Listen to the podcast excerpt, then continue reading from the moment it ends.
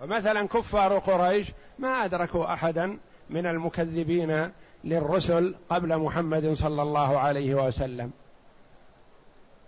أتواصوا به؟ يعني ما تواصوا به. ما هذا نتيجة تواصي وإنما هو نتيجة طغيان وضلال في نفوسهم وفي قلوبهم. أتواصوا به بل هم بل هنا يسميها العلماء يقال للإضراب للإضراب عن الأول إلى الثاني. ما تواصوا به بل الحقيقة والواقع أنهم اتفقوا على صفة قبيحة وهي صفة الضلال والطغيان. بل هم قوم طاغون. فتول عنهم. فما أنت بملوم تول عنهم اتركهم. وهذه آية شديدة على النبي صلى الله عليه وسلم وعلى المسلمين من الصحابة رضي الله عنهم وأرضاهم. ثقلت عليهم هذه الآية ثقل عظيم وحزنوا لها حزنا شديدا. لأن الله جل وعلا قال لمحمد صلى الله عليه وسلم فتول عنهم. اتركهم. لا خير فيهم. فتول عنهم. فما أنت بملوم. معنى هذا أنهم كأنه قال لهم تحروا العذاب ينزل. فخاف الصحابة رضي الله عنهم خوفا شديدا من هذه الآية. لأنه قيل لمحمد اتركهم. معنى هذا أنه سيأتيهم العذاب قريبا لا محالة. فحزن لذلك النبي صلى الله عليه وسلم والصحابة رضي الله عنهم لأنهم لا يحبون أن ينزل العذاب على الكفار حتى وإن كانوا كفار. يحبون لعلهم أن يهتدوا لعلهم يسلموا. كما جاء ملك الجبال إلى النبي صلى الله عليه وسلم لما ضاق صدره عليه الصلاة والسلام بقومه وآذوه أذى شديدا جاءه جبريل عليه الصلاة والسلام فسلم عليه ثم قال يا محمد هذا ملك الجبال أرسله الله إليك. فجاء ملك الجبال وسلم على النبي صلى الله عليه وسلم وقال يا محمد لقد سمع الله مقالتك لقومك وما ردوا عليك به. ردوا عليه ردا فظيعا. وقد أرسلني إليك فإن شئت أطبقت عليهم الأخشبين الجبلين. أطبقها عليهم أقضي عليهم في لحظة. فالرؤوف الرحيم صلوات الله وسلامه عليه كما وصفه ربه لقد جاءكم رسول من أنفسكم عزيز عليه ما عنتم حريص عليكم بالمؤمنين رؤوف رحيم. ما رأيك لو حصل بيد شخص الانتقام ممن اذاه ماذا يعمل؟ لا يمهل. مع شدة آذاهم له صلى الله عليه وسلم قال بل أستأني بهم. لعل الله أن يخرج من أصلابهم. من يعبد الله وحده لا يشرك به شيئا.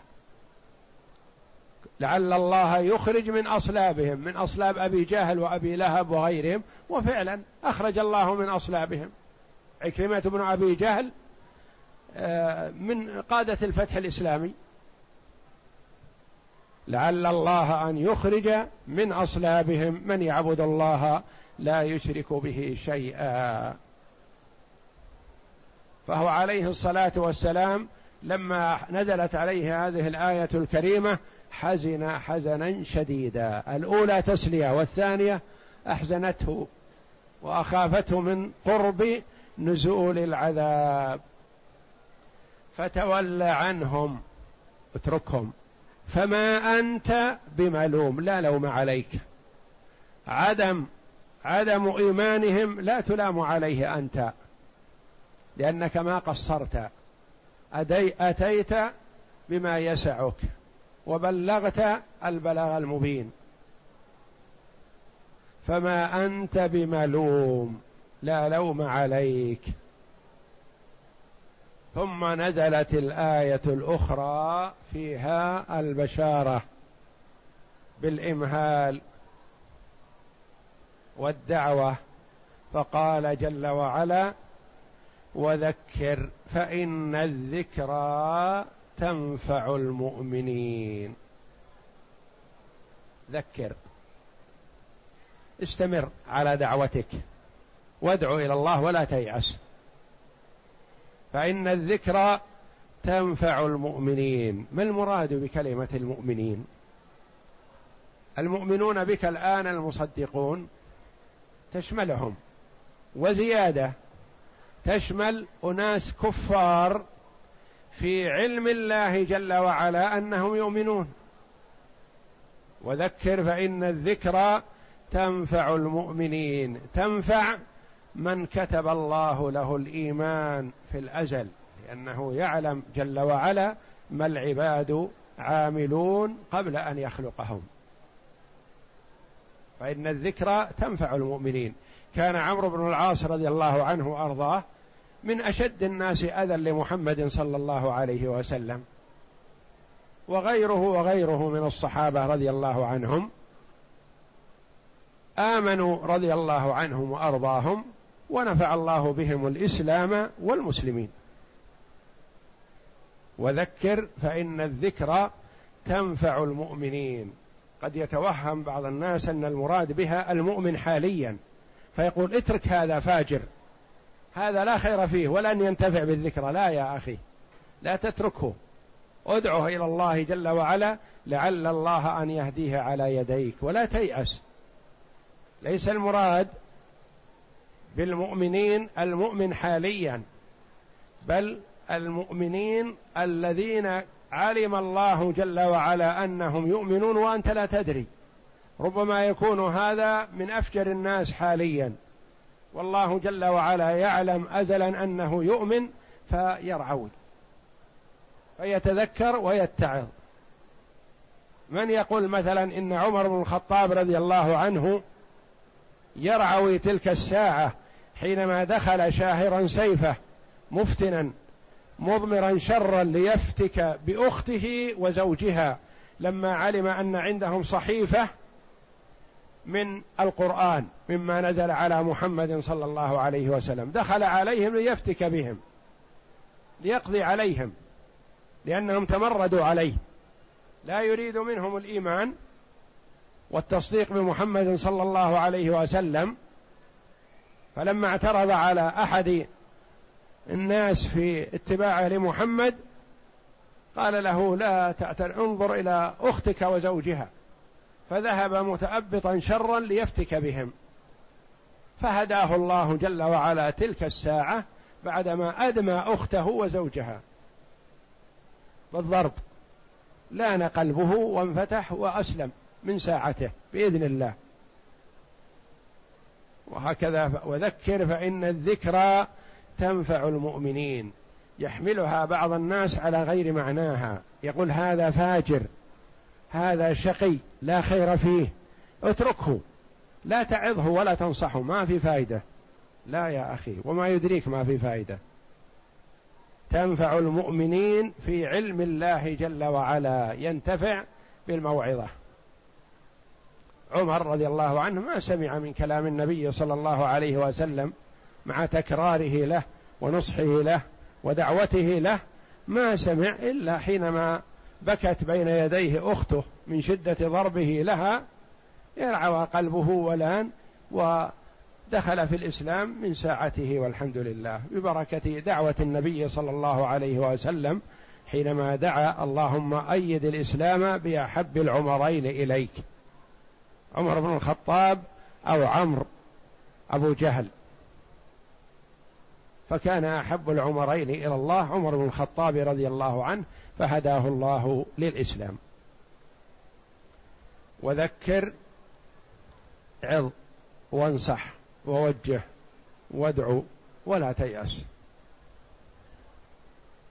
وكما قال الله جل وعلا لموسى وهارون عليهما الصلاة والسلام لما أرسلهما إلى فرعون الذي هو أشقى خلق الله في وقته فقولا له قولا لينا لعله يتذكر أو يخشى. والله جل وعلا يعلم أزلا أن فرعون لا يتذكر ولا يخشى أنه يموت على الضلال وعلى الكفر.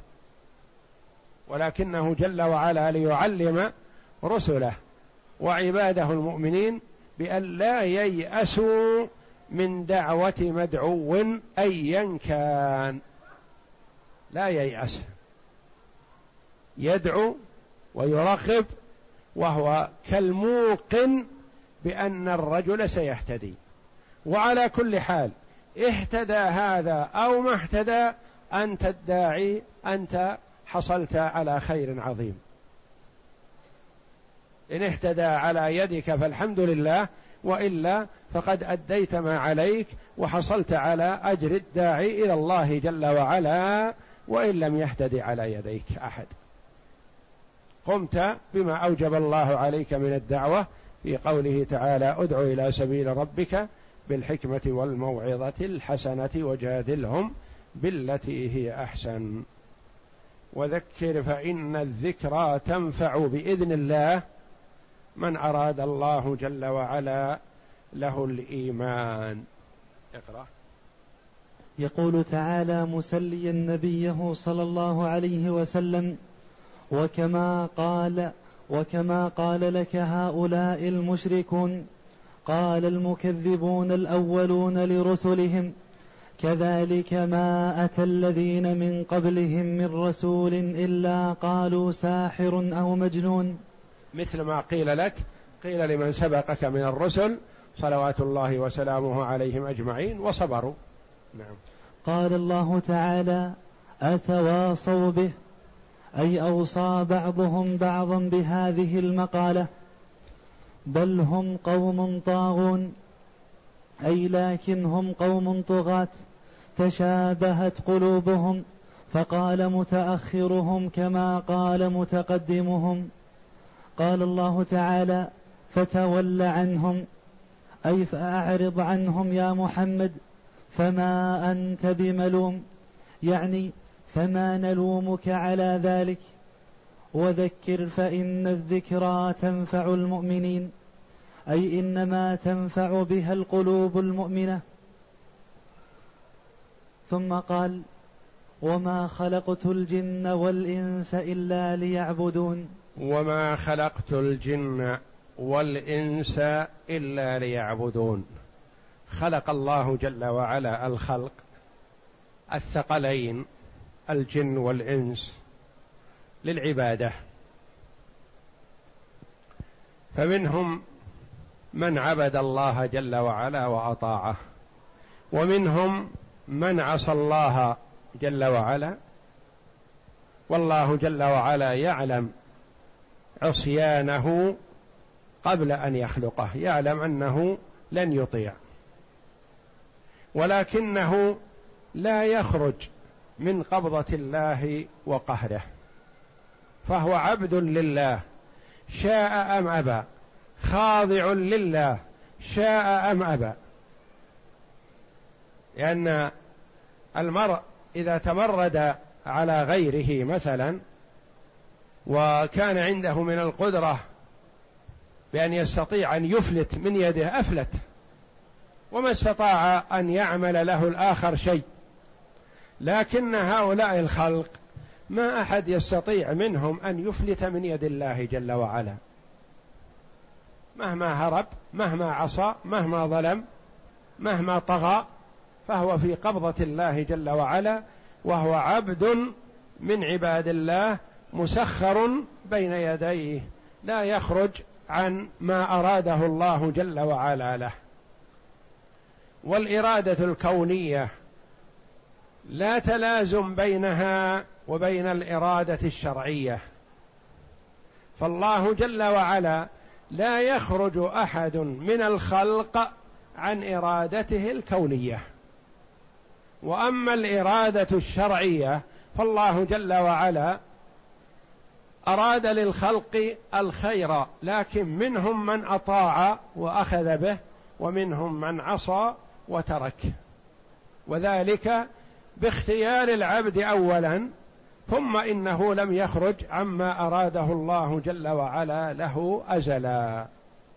فهو دعي إلى الله فأبى باختياره وليس مجبر على المعصية وليس مجبر على الضلال وإنما اختار الضلال.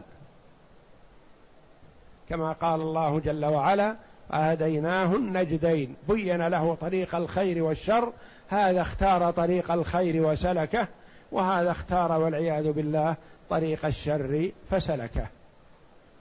وما خلقت الجن والإنس إلا ليعبدون لآمرهم وأنهاهم كما روي عن علي بن أبي طالب رضي الله عنه. وما خلقت الجن والإنس إلا ليعبدون ليعترفوا بوحدانيتي. ليعرفوني وبوحدانيتي. والخلق كلهم معترفون يعرفون الله جل وعلا بوحدانيته لكن منهم من عرف ذلك في الرخاء والشدة وهم المؤمنون. وحدوا الله جل وعلا في الرخاء والشدة ومنهم من وحد الله في الشدة وكفر به في الرخاء كحال كفار قريش وكثير من الأمم. لأن حتى الطغاة الظلمه أعتى الخلق عند الشدة يجأرون إلى الله جل وعلا. ماذا قال فرعون لما أدركه الغرق؟ آمنت أنه لا إله إلا الذي آمنت به بنو إسرائيل وأنا من المسلمين. قيل له آه الآن وقد عصيت قبل وكنت من المفسدين. ما ينفعك لأن الإيمان حين معاينة العذاب لا ينفع. ولهذا ينتفع المؤمن بالتوبة والعمل الصالح وإن قل قبل الممات ولو بقليل. أما إذا عاين الملائكة عاين ملك الموت حينئذ لا ينفع نفسا إيمانها لم تكن آمنت من قبل أو كسبت في إيمانها خيرا. قد يتوب المرء في حال المرض فيتوب الله جل وعلا عليه. وقد يتوب حين يعاين ملك الموت لقبض روحه فلا يقبل الله توبته حينئذ. إذا بلغت الروح الحلقوم لا ينفع الإيمان ولا التوبة. وما خلقت الجن والإنس إلا ليعبدون خلقهم جل وعلا لعبادته وتوحيده وهم معترفون بذلك معترفون بتوحيد الله وبوحدانيته لكن منهم من اعترف في الرخاء والشدة وهم المؤمنون ومنهم من اعترف بوحدانية الله جل وعلا لأنه ما من مخلوق يجحد الله جل وعلا. ولو جحده في حال صحته وعافيته وأطمئنانه فهذا مؤقت وإن وخروج عما هو على فطر عليه لكنه عند الشدة يلجأ إلى الله جل وعلا. ومن الخلق من يوحد الله في الشدة ويكفر به في الرخاء. وقد قال الله جل وعلا ولقد ذرأنا لجهنم كثيرا من الجن والإنس. من هؤلاء الذين خلقهم الله جل وعلا لعبادته خلقهم للنار. يعلم ازلا أنهم يعصون الله يعصونه ويعملون بمعصيته فيكونون من أهل النار. وما خلقت الجن والإنس إلا ليعبدون أي إنما خلقتهم لأم لآمرهم بعبادتي لا لاحتياجي إليهم. فليس الله بحاجة إليهم ليكونوا جنودا له. أو يعملوا لأجله ما ينفعه تعالى فهو سبحانه وتعالى لا تنفعه طاعة المطيع ولا تضره معصية العاصي وليس هو بحاجة إلى خلقه والخلق كلهم في حاجة إليه. فهو غني عن خلقه والخلق فقراء إليه جل وعلا. وقال علي طوعا أو كرها وهذا اختيار ابن جرير. يعني يعترفون بهذا طوعا أو كرها. طوعا وهم المؤمنون. كرها الكفار في حال الشدة يعترفون لكن حين لا ينفعهم ذلك. وعند المعاينة يعترفون لكن لا ينفعهم ذلك. نعم. وقال ابن جريج إلا ليعرفون. وقال الربيع بن أنس إلا ليعبدون أي إلا للعبادة. وقال السدي من العبادة من ينفع ومنها ما لا ينفع. ولئن سألتهم من خلق السماوات والأرض ليقولن الله. يعني عبدوا الله كفار قريش يعبدون الله بتوحيد الربوبية معترفون بهذا لكن ما نفعهم. وهذا معنى كلام ابن كثير رحمه الله يقول من العبادة ما ينفع ومنه ما لا ينفع. كفار قريش يعبدون الله ويعترفون بالله ويعترفون أنه هو الخالق لكن هذا الاعتراف ما ينفعهم لأنهم أشركوا معه في العبادة لأنهم أنكروا على النبي صلى الله عليه وسلم أن جعل الآلهة إلها واحدا وإلا ما أنكروا عليه عبادة الله هم يعبدون الله ولئن سألتهم من خلق السماوات والأرض ليقولن الله. لكن أنكروا عليه كونه حصر العبادة في إله واحد جل وعلا. فهم عبدوا لكن عبادة لا تنفع. لأن العبادة إذا لم تكن مع التوحيد وإخلاص العبادة لله جل وعلا فلا تنفع. لو عبد الله ليل نهار ولم يخلص له العبادة ما نفعه ذلك. كحال كثير ممن يدعي الإسلام اليوم فلا حول ولا قوة إلا بالله. يعبدون الله يصلون ويصومون ويحجون ويعتمرون ويزكون ويعملون الأعمال التي ظاهرها الصلاح لكن إذا انتهى من صلاته توجه إلى صاحب القبر وقال يا سيدي يا مولاي يا عضدي يا ناصري. وهكذا. فأحبط كل عمله. أحبط الحج والصلاة والصيام والزكاة وكل شيء.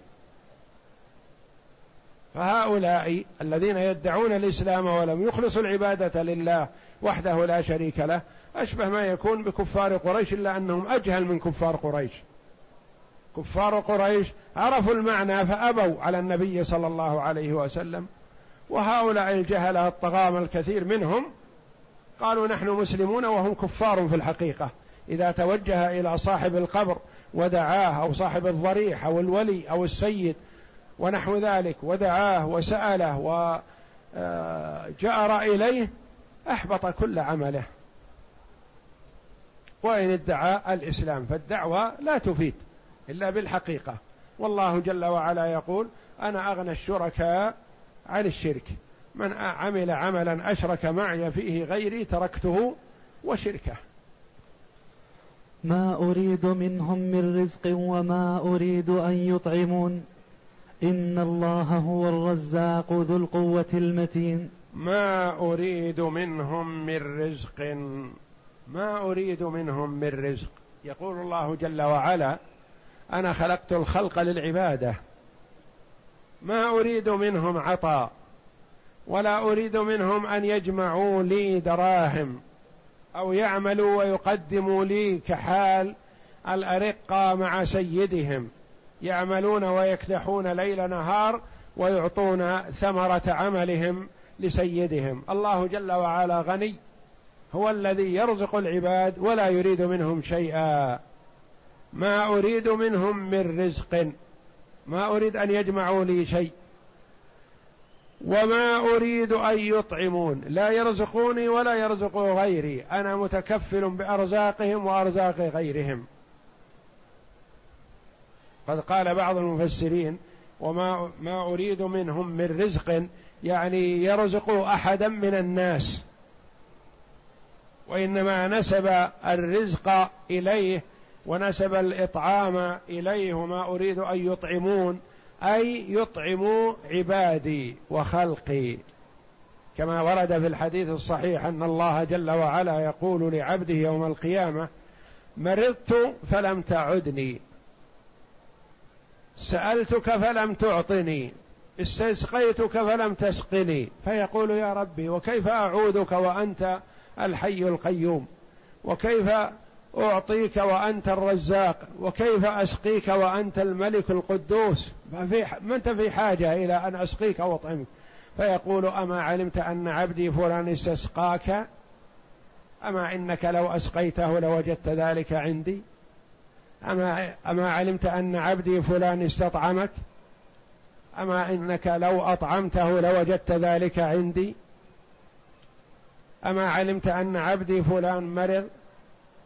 أما علمت أنك لو عدته لوجدت ذلك عندي فهو جل وعلا ينسب الشيء إليه وهو يريده لعباده لأنه كما ورد في الحديث الخلق عيال الله وأحب الخلق إلى الله أنفعهم لعياله. ولا يخطر على بالك العيال بمعنى الأولاد تعالى الله وتقدس لا وإنما الله جل وعلا يعول خلقه يتولى أمورهم ويعولهم وهم عبيده وهو جل وعلا لم يلد ولم يولد ولم يكن له كفوا أحد. لكن أحب الخلق إلى الله أنفعهم إلى الخلق. وكلما كان المرء أنفع للناس فهو أحب إلى الله. ولهذا قال كثير من العلماء إن العبد إذا أمكن أن يعمل عملا يتعدى نفعه فإنه أفضل ممن لو عمل عملا يختص به وحده وإن كان فيما يظهر للناس أنه أعظم أجرا. فمثلا شخص إذا أفطر في الأيام العادية نشط وشفع لهذا وأعان هذا ووجه هذا وأعطى هذا وسعى مع هذا وهكذا ينفع. وإذا صام ثقل وجلس في بيته. أيهما أنفع وأعظم أجرا عند الله؟ إذا خرج ونفع وإن لم يصم. وإذا كان مع صيامه ينفع ما يستطيع وما تجري به العادة فلا شك أن الجمع بين العبادتين خير عظيم. والله جل وعلا يقول ما أريد منهم الخلق من رزق وما أريد أن يطعمون. تأكيد. لا أريد منهم لا هذا ولا هذا. قال بعض المفسرين قد يفهم من قوله ما أريد منهم من رزق يعني ما أريد منهم أن يعطوني شيئا. وما أريد أن يطعمون لأن حاجة السادة إلى العبيد قد تكون نوعان. عبيد يجمعون وآخرون يخدمون في البيت يقدمون الطعام والشراب. والله جل وعلا غني عن هذا كله سبحانه وتعالى. فهو لا يريد من عباده لا هذا ولا هذا وإنما يريد منهم العبادة. يعبدوه وحده لا شريك له وعبادتهم إياه تعود إلى أنفسهم. أنت إذا صمت أو تصدقت أو صليت صلاتك هذه وصيامك ونفقتك كلها تعود إليك. تدخر لنفسك عند ربك لأن الله جل وعلا لا تنفعه طاعتك كما لا تضره معصية العاصي. وإنما نفع هذا يعود إليك. نعم. ما أريد منهم من رزق وما أريد أن يطعمون. إن الله هو الرزاق ذو القوة المتين. أي أنه تعالى خلق العباد ليعبدوه وحده لا شريك له فمن أطاعه جازاه أتم الجزاء ومن عصاه عذبه أشد العذاب. وأخبره أن وأخبر تعالى أنه غير محتاج إليهم بل هم الفقراء. إن الله هو الرزاق هو الذي يرزق العباد جل وعلا فليس في حاجة إليهم وإنما هم في حاجة إليه. لا غنى للخلق عن الله جل وعلا والله جل وعلا غني عن الخلق. والرزاق صفة من صفات الله جل وعلا وفهم منها المبالغة يعني كثرة الرزق. رازق اسم فاعل. ورزاق صيغة مبالغة أي أن الله جل وعلا يعطي العطاء الجزيل والرزق الواسع. إن الله هو الرزاق ذو القوة ذو القدرة. رزاق وقادر لأن أحدا يمكن أن يعطي لكن قد لا يستطيع. يحب أن يعطي لكن ما يستطيع مغلوب على أمره ممنوع. والله جل وعلا ذو قوة لا أحد يرده عما أراده سبحانه وتعالى. ذو القوة المتين والمتين الشديد. الشديد في القوة. يعني ليست قوته جل وعلا قوة عادية وإنما قوة قوية متينة شديدة. وأخبر تعالى أنه غير محتاج إليهم بل هم الفقراء إليه في جميع أحوالهم. فهو خالقهم ورازقهم. ثم قال فإن للذين ظلموا ذنوبا. فإن للذين ظلموا ذنوبا مثل ذنوب أصحابهم. ذكر جل وعلا تكذيب كفار قريش مثل تكذيب الأمم السابقة. تكذيب هؤلاء مثل تكذيب السابقين. أولئك ما الذي صار عليهم؟ ما الذي حصل لهم؟ حصل لهم العذاب. هؤلاء ينجون منه لا. لهم مثل ما أولئك سواء بسواء. فإن للذين ظلموا من قومك من كفار قريش ذنوبا. الذنوب النصيب. ذنوبا نصيب. وأصل الذنوب الدلو. المملوء بالماء. فامر صلى الله عليه وسلم لما بال الأعرابي في المسجد بذنوب من ماء. دلو مملوء ماء يراق على بول الأعرابي. فالذنوب هنا هو النصيب. وسمي النصيب هنا بذنوب لأن الذنوب يصب الدلو المملوءة ماء يصب على صاحبه أو من يراد له. وهنا كذلك يصب عليهم العذاب صبا يأتيهم بقوة وهو نصيبهم وحظهم في الآخرة والعياذ بالله. فإن للذين ظلموا من هؤلاء ذنوبا يعني نصيبا من العذاب مثل ذنوب أصحابهم. سماهم جل وعلا أصحابهم وإن لم يكن بينهم صحبة لكنهم متفقون في الكفر والضلال. مثل ذنوب أصحابهم فلا يستعجلون. لا يستعجلون. سيأتيهم لا محالة لأن ما قدره الله جل وعلا سيأتي. المخلوق إذا سنحت له فرصة في إرادة ضر أو نفع بادر. لماذا؟ لأنه يخشى الفوات. عدوه بين يديه. يقول إذا أمهلته ذهب وخلان. أما هؤلاء فلا فهم في قبضة الله جل وعلا وفي تصرفه. ما يستطيعون الفوات ولا الهروب من الله جل وعلا. ولهذا يقال الله جل وعلا يمهل ولا يهمل. يمهل لأن الخلق في قبضته.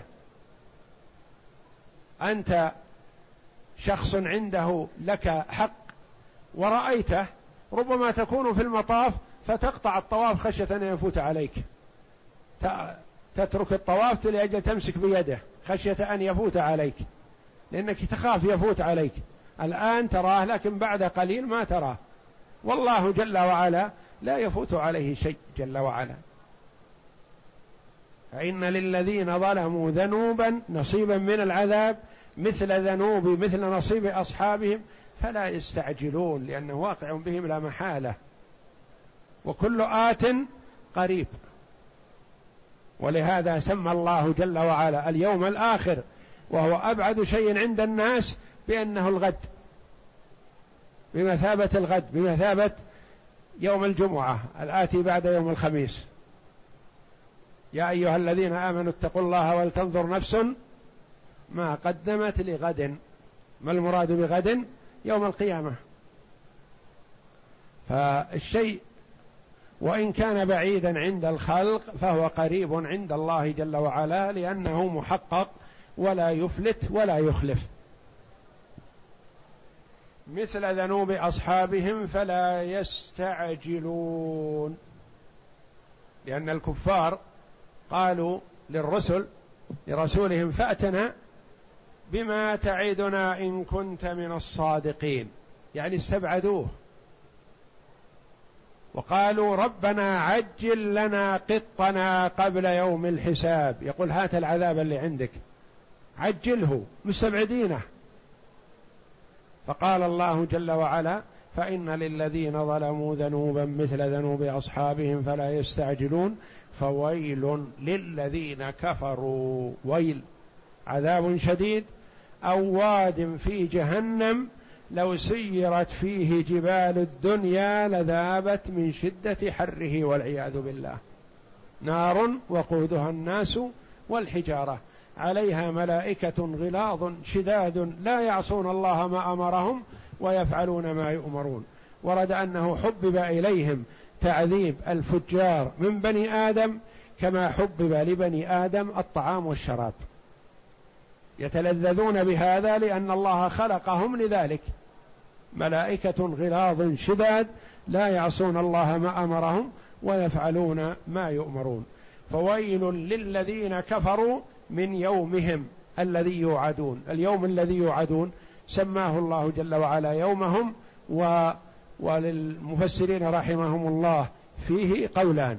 المراد بيوم عذابهم في الدنيا وبالنسبة لكفار قريش يوم بدر حيث قتل من زعمائهم وصناديدهم سبعون وأسر سبعون وقيل المراد بيومهم الذي يوعدون يعني يوم القيامة ولا منافاة بينهم فالوعد يوعدون في الدنيا العذاب المعجل ويوعدون في الآخرة العذاب المؤجل الواقع بهم لا محالة والعياذ بالله. نعم اقرأ.